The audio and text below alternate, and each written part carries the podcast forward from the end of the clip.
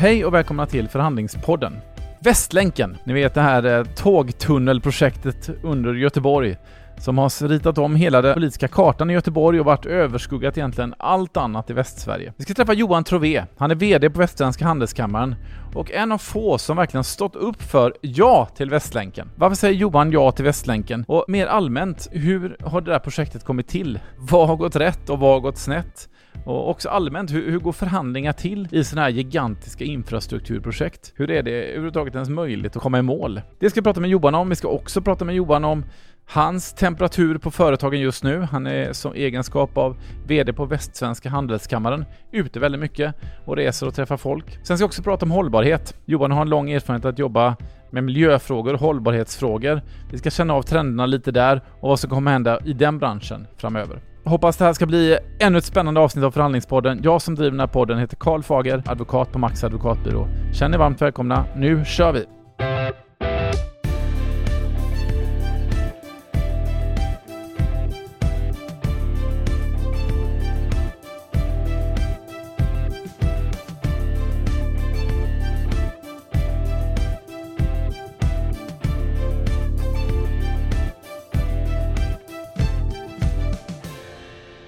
Johan Trové, varmt välkommen till Förhandlingspodden. Tack så mycket. Hur eh, mår du idag? Har, eh, har det hänt något spännande? Du, jag mår jättebra. Eh, varje dag är ännu en ny och energifull dag. Och det är så som jag tar mig till jobbet varje morgon med de tankarna. Så det har varit en jätterolig dag och med spännande möten. Vad gör du för att uh, ha de tankarna? Har du någon, liksom, någon slags morgonrutin eller, eller liksom, hur, hur taggar du upp dig? Eller är det bara normaltillståndet? Ja, jag till, tittar igenom vad som ska hända för dagen, eh, förbereder mig mentalt och sen har jag sådana variationer i dagarna så att det, jag känner att det här blir spännande. Jag är nyfiken utav mig och då blir dagarna spännande. Ja, underbart. Du, eh, du är ju vd på Västsvenska Handelskammaren. Kan du bara liksom kort berätta, vi har haft Maria Ranka med oss tidigare som är på Stockholms Handelskammare.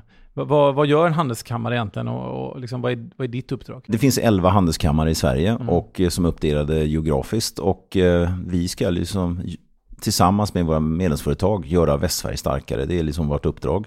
Eh, vi har funnits sedan 1661 och vi är sanna lokalpatrioter så vi bryr oss bara om Västsverige och det inkluderar Västra Götaland och norra Hallands två nordligaste kommuner, Varberg och Kungsbacka. Och då, ja, vi ser till att så mycket infrastrukturmedel från staten kommer hit, att man satsar mer på skola, forskning och utveckling här, eh, att städerna blir spännande och dynamiska att bo i och leva i och så vidare och så vidare. Så vi värnar om Västsverige, vi struntar i övriga Sverige. Det är bra det. Det blir mycket lobbyism och, och den typen av saker som sker då? Mm, vi har en ändamålsparagraf och där står det att vi ska främja och företräda det västsvenska näringslivet gentemot allmänna. Och företräda det gör vi genom politisk lobbying och det är ju framförallt gentemot Stockholm där den största delen av makten sitter med mm. myndigheter, riksdag, regering men också eh, gentemot eh, lokala kommuner här i Västsverige. Och sen främja det kan vi göra genom att eh, vi stärker näringslivet genom bättre kunskap, bättre kontakter, nätverkande, utbildningar, internationella kontakter. Och vi är ungefär 90 anställda på Handelskammaren. Vi har inga bidrag utan vi är helt självfinansierade. Jag driver det som ett företag med ungefär 5% tillväxt varje år och i år kommer vi nog landa på 95 miljoner omsättning. Men det enda skillnaden mot övriga företag är att vi får inte göra vinst så jag ska pricka nollstrecket när året är slut. Lycka till med det. Och Göteborg och ja, Västsverige går ju som tåget just nu. Det, det poppar upp nya bilmärken eh, varenda vecka, eller på att säga. Eh, det, det, går ju väldigt bra. Ehm, ja, hur känner du kring det? Det måste vara kul att jobba i en sån liksom, positiv miljö. Ja, det är fantastiskt och det är, det är ju det som är en av våra uppgifter att faktiskt tala om det för omvärlden. Det är ju knappt så vi själva känner till att det går så bra mm. för oss som bor här i den här regionen. Så det är viktigt att förmedla den, eh, det budskapet till omvärlden. Och det är ganska skönt att befinna sig i en uppåtgående flow så att säga. Eh, vi hade ju ganska raka motsatsen för tio år sedan. Och, det, och jag började mitt jobb faktiskt för tio år sedan. Så det, det är en stor skillnad och det, nu går alla rakryggade och eh, stolta över det som händer i den här spännande regionen. Precis, samtidigt som du säger, just om vi pratar om Göteborg, att det är liksom, man, vi är bekymrade över att man tittar politiska majoriteter och vi har haft en, en del problematik kring den så kallade Göteborgsandan. Är vi för dåliga på att slå oss för bröstet? Är vi för dåliga på att känna att shit, vi är grymma, det här går bra? Ja, jag tror att vi i Göteborg och i Västsverige har lite mer jante på axeln. Mm. Att inte ska väl vi framhäva oss själva och inte ska väl vi vara något mer än någon annan. Vad kommer det sig? Ja, jag kan ha kopplingar till gamla chartonismen och sådana saker. Och sen är vi ju liksom, vi är en arbetarstad, vi är, vi är lite bruksortsmentalitet, eh, fast i vidare bemärkelse. Och eh, här i Förhandlingspodden är vi intresserade av, liksom, vi har pratat mycket om olika internationella förhandlingskulturer. Pratat om allt från Kina till USA, eh, men också lite mer lokalt då. Vad, vad, hur utmärker en, en, eh, om vi säger göteborgare som, som någon slags Eh, representant för Västsverige då. Hur, hur, hur är det att förhandla med göteborgare? Hur gör göteborgarna affärer? Ja, jag har ingen sån typexempel typ exempel tror jag, men jag tror att eh, göteborgare upplevs ofta som eh, väldigt trevliga, öppna, glada, positiva. Eh, däremot så vet jag att en av nackdelarna är att det är många som känner att det är svårt att komma in på Göteborgsmarknaden utifrån. Eh, ganska slutet. Eh, nätverket utav betydelsefulla personer är relativt litet. Ehm, ja, det, det, är väl en nackdel att vi har svårt att släppa in de som kommer utifrån. Men annars så tror jag vi, vi nog inte, alltså vår förhandlingsteknik tror jag inte skiljer sig mer än att vi kanske har en lite mer avslappnad eh, inställning. Du, och det här med att nät, sluta nätverk, slutna rum, svårt att komma in utifrån. Vad, vad, vad kan man göra åt det? Vad gör ni åt det? Nej, jag tror att det har med våran litenhet att göra. Ja. Göteborg är ju inne i ett skede där vi kommer ta steget från att vara den stora småstaden, eh, där sådana här företeelser finns, till att bli den lilla storstaden. Mm. Och i storstaden så har du inte den här typen av mental eh, inbonad, så att säga, eller inboende rädsla för andra eller liknande. Så jag tror att, eh, att vi successivt växer. Det är ju det spännande. Den här regionen växer alltså med någonstans 12 000 personer per år. För om man kontrasterar Stockholm och Göteborg så sägs det också det. I Göteborg gör du affärer på relation, i Stockholm gör du affärer mer på ja, på, en, på en offert eller liknande, alltså bedöms mer efter objektiva kriterier. Är det så enligt din mening? Kan vara så, och sen lär ju Linné en gång i tiden sagt att i, i Stockholm skrivs det prosa, medan i Göteborg skrivs det fakturor. Mm. Ja, det är, det är bra att göra affärer också. ja, nej, men vi är ju en gammal handelsstad och här, ja. vi har ju handel i, på något sätt i våra gener och eh, vi ska inte glömma att de producerande företagen, de som finns många här i den här regionen, de handlar ju. De mm. både importerar och exporterar. Du, vi ska prata om eh, stora infrastrukturprojekt, för det är en viktig fråga för dig. Du säger att du ska få hit pengar för att vi ska bygga vägar och tåg och, och liknande. Och ett sådant projekt särskilt är ju, är ju Västlänken som ju nästan får betecknas som en riksangelägenhet numera, eh, nämligen tunneln som går igenom Göteborg för att eh, förstärka egentligen framförallt pendeltrafiken. Och jag är lite nyfiken på om man, dels Västlänken men även i övrigt, hur, liksom, hur, hur får man till ett sådant projekt när det är så många intressenter? Ni är en intressent kommun, stat, landsting, mm. näringsliv. Kan du berätta lite liksom, bara hur, ja, hur en sån idé föds och hur man får till det helt enkelt. Det, det, det, är starkt gjort. Ja, först och främst ska jag ha en egen reflektion som jag gjorde faktiskt sent som för en vecka sedan. Här. Det är ju att den här typen av stora infrastrukturprojekt, från idé till invigning så pratar vi kanske en tidsperspektiv om 25 år. Mm. Så att det som vi nu tänker idag, det ska vi inviga 2043. Och det får ju det här att eh, komma i ett helt annat perspektiv. Och vad Västsverige och Göteborg har varit dåliga på generellt gentemot eh, myndigheter och instanser i Stockholm, det är att vi inte har varit enade. Vi har kommit med olika delegationer och uppvaktat ministrar och, och, haft olika framställningar om vad vi vill. Och då har man sagt i Stockholm att ni får åka hem till Göteborg så får ni ena er. Och när ni är enade kan ni komma tillbaka. Och just Västlänken och det västländska paketet, där var det en fråga där alla partier, samtliga regionerna och eh, näringslivet ställde sig bakom en och samma sak. Och då fick man genomslagskraft. Och kan du bara, för det är inte självklart för alla lyssnare, vi har också lyssnare egentligen från hela världen på den här podden.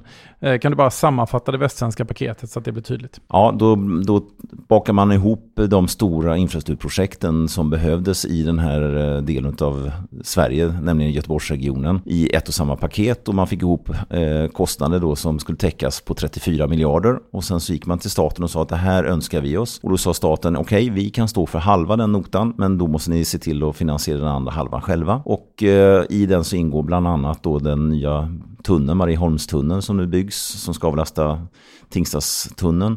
Eh, det är en ny bro över till Hisingen och sen så den stora järnvägsprojektet Västlänken. Och sen var det ungefär en 120-140 ytterligare småprojekt som var kopplat till kollektivtrafik, eh, pendelparkeringar, busskörfält eh, och så vidare. Så att det var ett ganska rejält paket. Precis, och det är det vi nu ser ja, sen en tid rullas ut. När togs det här beslutet? Det togs 2009. Och ska vara i sin helhet genomfört? 2026. Och man började projektera det 2001. Troligt. Mm. Och hur, för det är intressant då. Um, du sa att näringsliv, alla partier gick till Stockholm som vi ser eller till, till regeringen och sa det här vill vi göra. Hur gick den? Jag antar att man inte bara råkade träffas på, på Avenyn och sa det här gör vi, utan liksom, hur, hur går en sån process till för att överhuvudtaget landa i ett sånt gemensamt ställningstagande? Jag var inte med på den tiden ska jag tillägga, men eh, vad jag förstår så var det ju först och främst mellan de politiska partierna så hade man förhandlingar om vad som skulle ingå i det här paketet och vad som inte skulle ingå. Och det var ju väl, eh, hur lång tid det tog, det vet jag inte, men eh, det var också ett första steg att bli enad om hur skulle paketet se ut. Mm. Och eh, sedan så tillfrågade näringslivet eh, om näringslivet stod bakom det här. Och då kom jag precis in i den vevan och då sa vi så här, det står vi bakom, vi kan tänka oss att liksom ställa upp för det här och vi frågade av våra medlemsföretag givetvis innan vi tog det ställningstagandet. Så det var inget som jag enskilt gjorde utan vi, eh, vi har olika infrastrukturråd, vi har en styrelse och vi får input från våra medlemsföretag dagligen. Mm. När de säger vi frågar näringslivet, är det Västsvenska Handelskammaren som är, ni är näringslivsrepresentant eller ja, tar man också kontakter, man kanske ringer Volvo och Astra och liksom, eh, eller hur är ni liksom kanalen? Oftast brukar vi vara kanalen för att samla hela näringslivet. Eh, nu är inte alla företag medlemmar ska jag ödmjukt säga, men väldigt många. Sen kan man givetvis fråga ett antal nyckelföretag som är oerhört viktiga för den här regionen och du nämnde Volvo och Astra, det är ju två, både AB Volvo, Volvo Cars, mm. Astra, SKF, Stena och några till. Det är ju väldigt viktiga aktörer. Såklart. Då kommer man dit och så rullar man igång där. Och bara, vad är det sen som har, ska vi kalla det, gått snett? För det har vi kanske inte gjort när det kommer till själva byggandet, men liksom i den politiska diskursen och, och det har kantrat lite. Vad var det som hände egentligen? Ja, för att jag, jag, tror det här är bara spekulationer. Jag skulle bara kunna tänka mig att det här var ju beslut som fattas av partier och jag menar när partierna är eniga så fanns det ju liksom ingen oenighet. Eh, och även då fick man med sig Hallandsregionen, Västra Götalandsregionen, Göteborgsregionen. Så det är i princip är alla kommuner också. Och då tycker man att det har liksom truskats eh, igenom det, det offentliga på det mm. sättet. Eh, och sedan tror jag att när man sen började diskutera att det här paketet skulle finansieras via trängselskatt till viss del. Då började protesterna mm. och då fick vi till en folkomröstning och det var många tråkiga turer i det där man egentligen inte ville ha en folkomröstning och det var med en röst marginal som det blev en folkomröstning folkomröstning. Flera av politikerna sa att man inte skulle kunna följa resultatet. Därför att man inte satt på mandatet själv från Göteborgs sida. Men det blev alltså i Göteborgs stad en sådan folkomröstning. Och den fick ju då övervägande som var emot en trängselskatt. Och då till slut så fann man att man kunde inte följa det utslaget. Och då blev många besvikna och det var ju ett demokratiskt dilemma. Mm. Det måste man ju erkänna. Och sedan så vändes de, den kritiken och blickarna mot liksom, vad ingår? Och då blev Västlänken väldigt mycket symbolen för både problemen med trängselskatten och också misstron mot politikerna. Och om vi bara tar den frågan frågan, eh, för det är heller inte självklart för alla tror jag. Vad ingår i Västlänken? Kan du bara beskriva liksom, nyttan med Västlänken? Eh, det vill säga de som kör under den här biltullarna, vad får de för pengarna? Eh, de får minskad trafik eh, i framtiden därför att eh, vi matar ju in väldigt mycket människor som pendlar dagligen. Det är 150 000 som pendlar både ut och in. Och för att inte då belasta staden och stadens närhet med allt för mycket bilar så måste man öka på möjligheten med kollektivtrafik. Och där har Göteborg en väldigt låg andel kollektivtrafik idag. Det är ungefär 15 procent av pendlarna som man nyttjar kollektivtrafik. Och motsvarande siffra i Stockholm och Malmö är 45 procent. Och då måste man bygga upp ett system för det och då måste man eh, ta bort den gamla sexstationen, alltså där tågen måste vända eh, på centralstationen i Göteborg och få genomgående trafik. Och det får man via Västlänken så att du kan resa i framtiden från Trollhättan till eh, till exempel Landvetter flygplats i framtiden utan att kliva av eller byta. Och Byten i sin tur gör att man tappar resenärer för kollektivtrafik. Slipper man byten så attraherar kollektivtrafiken mer resenärer. Så för göteborgarna kan man säga att ett, man får möjligheter att eh, ta sig till arbeten och andra utanför Göteborg.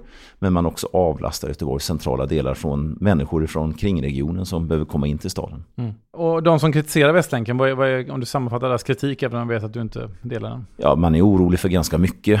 Mm. Man, är, man tycker att det är, framförallt rör till det i staden. Alltså byggnationerna skapar problem. Och det vanligaste samtalet jag får till mig det är framförallt från män som är lite äldre. De säger att eh, stoppa det här projektet för att jag kommer i framtiden inte komma fram med min bil. Och det är ett av de stora bekymren vad jag förstått. Och då tror jag att man kan se det att det här, byggnationer har gjorts i många städer och där brukar man klara av framkomligheten. Mm. Så att jag, jag, är ganska övertygad om att det kommer lösas även i Göteborg. Du, vad kommer hända med, med Västlänken och vägen framåt? Nej, den är igång och byggs och och eh, vad jag förstod så inom bara någon månad här så är den uppe i full produktion och då är det närmare 3000 människor som är direkt så att säga inne i det arbetet. Sen så är ju tanken att man kommer ha första etappen färdig 2023 fram till centralstationen och då kommer man kunna nyttja den och avlasta den nuvarande centralstationen och sen 2026 så ska man vara färdig med hela tunneln.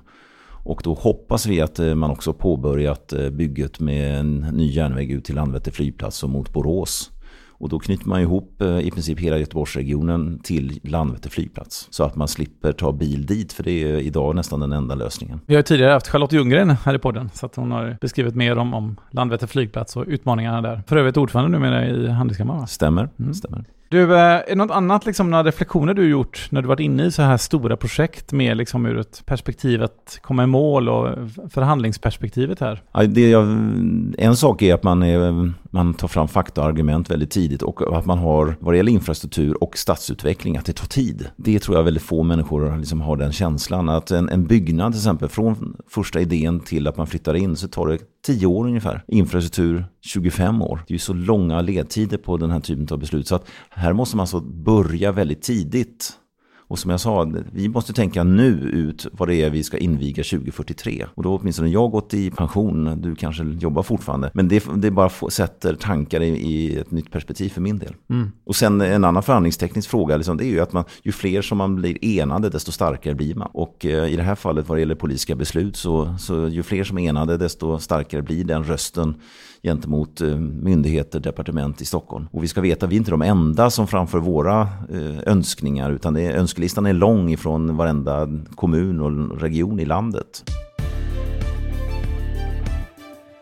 Du, vi ska gå över lite och se på, på dina medlemmar, det vill säga företagen i Västsverige. Bara lite nyfiken på att ta en liten temperaturmätare här. Du är ändå ute och träffar väldigt mycket företag varje dag. Vad händer där ute? Vad, vad, hur mår företagen? Vad, vad, liksom, vad ligger på deras bord? Vad är utmaningarna och möjligheterna? Det, för det första så går det fantastiskt bra fortfarande. Mm. Vi mäter det här eh, reellt så att säga varje månad med nyckeltal och det, vi ser inte någon dipp ännu. Eh, sen börjar fler och fler prata om en, en eh, nedgång i konjunkturen mm. och det känns mer som att det är psykologi än faktiska siffror just för stunden. Men, det är inte mycket psykologi och så blir det självuppfyllande till slut. Ja, tyvärr är det ja. så. Eh, men det finns liksom inte några siffror som pekar på en Nej. nedgång i den här regionen ska tillägga. När man pratar konjunkturnedgångar så kan man ju prata om hela Sverige mm. eller hur bostadsmarknaden ser ut i Stockholm till exempel. Men om jag tittar enskilt bara på Västsverige så ser det väldigt positivt ut. Eh, jag har nog inte träffat på någon företagare som de senaste två, tre åren går dåligt. Och jag brukar säga, gör man det så ska man nog byta affärsidé. Eh, sen så är det den största utmaningen just nu, det är att få hitta rätt kompetens. Mm. Det svarar 100% av företagen mig. Och det hindrar deras tillväxt att man inte hittar rätt kompetens. Och då är vi tillbaka på behovet av bra infrastruktur. För kompetens får man om man har en stor arbetsmarknad och det får vi genom att människor flyttar hit. Och då måste vi ha bostäder och attraktiva städer. Eller att man utvidgar arbetsmarknaden geografiskt med bättre kommunikationer. Och då är vi tillbaka på Västlänken. Är det något annat man sliter med utöver personal? Är det några, liksom, några regulatoriska frågor eller, liksom, eller någonting som... Ja, det är ju väldigt mycket det här som också kommer upp i när man mäter företagsklimat i olika kommuner. Det är ju handläggningstider mm. I, hos olika myndigheter i kommuner. Det är ett stort dilemma. Att det tar tid, att det drar ut på tiden. Det kostar oerhört mycket pengar för företag att vänta på bygglovsansökningar och liknande. När man står inför en investering och ska expandera. Det är en viktig fråga. Sen tycker jag att eh, utanförskapet är en, en, viktig fråga också som märks av. Det, det gör ju att varumärket Göteborg naggas ganska rejält i kanten. Och mm. Framförallt internationellt så är det ju inte bra om det kablas ut att det bränns bilar och kastas brandbomber på synagogor och så vidare. Vad gör näringslivet, det vill säga ni, för att liksom bryta ner de barriärerna? Ja, vi, det här är en jättesvår fråga. Hade jag kunnat svar på det så hade jag givetvis gjort det. Men eh, det finns en mängd olika saker vi kan göra och jag tror inte alla gånger vi behöver vänta på polit politiken utan vi kanske ska gå före och framförallt stötta upp i utsatta områden med olika insatser som näringslivet kan hjälpa till med. Mm. Du, eh, en annan sak, du har jobbat mycket med eh, miljö tidigare i din karriär, hållbarhetsfrågor. Eh, och det är en fråga vi inte haft upp så mycket på. Jag skulle liksom vilja, som ju någonstans i varje affär ändå finns en en hållbarhetsaspekt. Vad upplever du status just nu i hållbarhetsarbetet? Vilka trender ser du? Jag, ser, jag jobbar ju med frågorna framförallt på 90-talet mm. och då var det väldigt hett. Sen kändes det som att de här frågorna eh, tappade lite i, i, eh, fokus. Eh, generellt både inom politik och inom näringsliv. Sen har det kommit tillbaka och jag ser ju framförallt klimatfrågan som en oerhört viktig eh, fråga för näringslivet, för samhället i stort. Och jag tycker att vi får se mer och mer tecken på det och en större förståelse både internationellt internationellt och nationellt mm. kring att det här är allvar, det är viktigt och vi måste göra någonting åt det och vi kan inte vänta. Dilemmat är ju att det är ingen som ser klimatutsläpp. Det är, de är osynliga. Eh, det var någon som sa det, hade vi haft röda plastband som får ut genom avgasröret på en bil eller vad det nu släpps ut så, så hade vi liksom sett det här. Då behöver vi plogbilar för, för att få undan de här plastbanden. Och det är dilemmat att ingen ser det och därför så tar man inte riktigt på allvar och så tänker man ja men det är någon annan som fixar detta. Mm. Det är därför vi kan ha en president i ett av världens största länder som i princip förnekar problemet. Ja, och det, det tror jag det, det, kommer han att ångra. Och mm. eh, sen ska man ta det här i rätt steg också. Jag tror att det är farligt att liksom gapa över för mycket. Utan en elefant äter man upp i små bitar. Och det tycker jag det är, det är läge att verkligen gå från ord till handling. Och det tror jag det är många som har saknat under en längre tid. Precis, men entreprenören eller vdn eller ekonomichefen som lyssnar på den här podden, hur går man från ord till handling? Ja, det är ju framförallt att lägga upp de strategiska eh, planerna för företaget tycker jag. Framförallt att se på hur man påverkar klimatet i framtiden därför att det kommer kosta mer pengar. Och det här är ju en kostnadsfråga för ett företag eh, på medellång sikt och lång sikt. Och de flesta företag hoppas jag har en överlevnadsstrategi och ska finnas åtminstone tio år till. Och då är jag helt övertygad om att det här är en oerhört viktig fråga. hur man köper in transporter, hur man lägger upp sin produktion, hur man förser sig själv med energi. Det är några av de frågor som jag tycker är, man bör ha i beaktande. Mm. Och där kan man också välja en offensiv väg, tänker jag, att man är proaktiv och ligger i framkant, eller mer, lite mer en reaktiv väg och gör det man måste någonstans. Jag vet inte, hur bedömer du liksom vad, vilket val gör de flesta där? Nej, men nu har det tippat över till att liksom, nu är man eh, follower om man går in i detta. Nu är man inte i frontlinjen längre. Det är ganska många företag som har gått oerhört långt och som har helt koldioxidneutrala produktionsanläggningar, eh, ser till att vara helt eh, neutrala vad gäller klimatutsläpp och köper in grön el och så vidare. Så det är många som har vidtagit många, många åtgärder. Mycket mer än vad gemene man tror och mycket mer än vad våra politiker tror också faktiskt. Mm. Så jag skulle säga att näringslivet ligger väldigt långt fram i många frågor. Det är klart särskilt spännande också för Göteborg i den meningen att vi är ganska beroende av en fordonsindustri. Och, klimatfrågan är väl, fordonsindustrin är en av de där klimatfrågan liksom är allra störst fokus på. Hur ser du på, på det utvecklingen där? Nej men hade du pratat om eh, klimatfrågan och fordonsindustrin för 20 år sedan, 15 år sedan så hade väl till och med även fordonsindustrin tyckt att nej men det här är inte så intressant att diskutera och vi ska inte konkurrera på de här premisserna. Men idag så är ju de de största förespråkarna och tar fram nya produkter och tjänster framförallt som är kopplade till det här. Så att det här är en jättespännande utveckling som nu bara rusar framåt och jag tror att de flesta inom fordonsindustrin är medvetna om att eh, det här är en ödesfråga att hänga på. Någon annan hållbarhetsaspekt utöver klimatfrågan som du tycker man ska liksom ha lite ögonen på och ha med sig särskilt? Ja, den sociala eh, delen är ja. ju oerhört viktig. Vi, vi pratar ju om utanförskapet, eh, integrationsfrågan, den globala frågan. Vi, vi är ju liksom globala på ett helt annat sätt. Vi tar till oss information och kommunicera över världen på ett helt annat sätt än vad vi gjorde förr. Ny teknik kommer bara inom något år göra att eh, en miljard kineser pratar svenska. Eh, vad innebär det för våra framtida möjligheter att, att vara ännu mer globala? Och integrerande framförallt. Vi kan inte ha stadsdelar i större städer som är uppbyggda som, eh, ja, som utanför orter som inte får vara en del av gemenskapen i staden. Sådana saker mm, tror jag kommer också vara viktigt.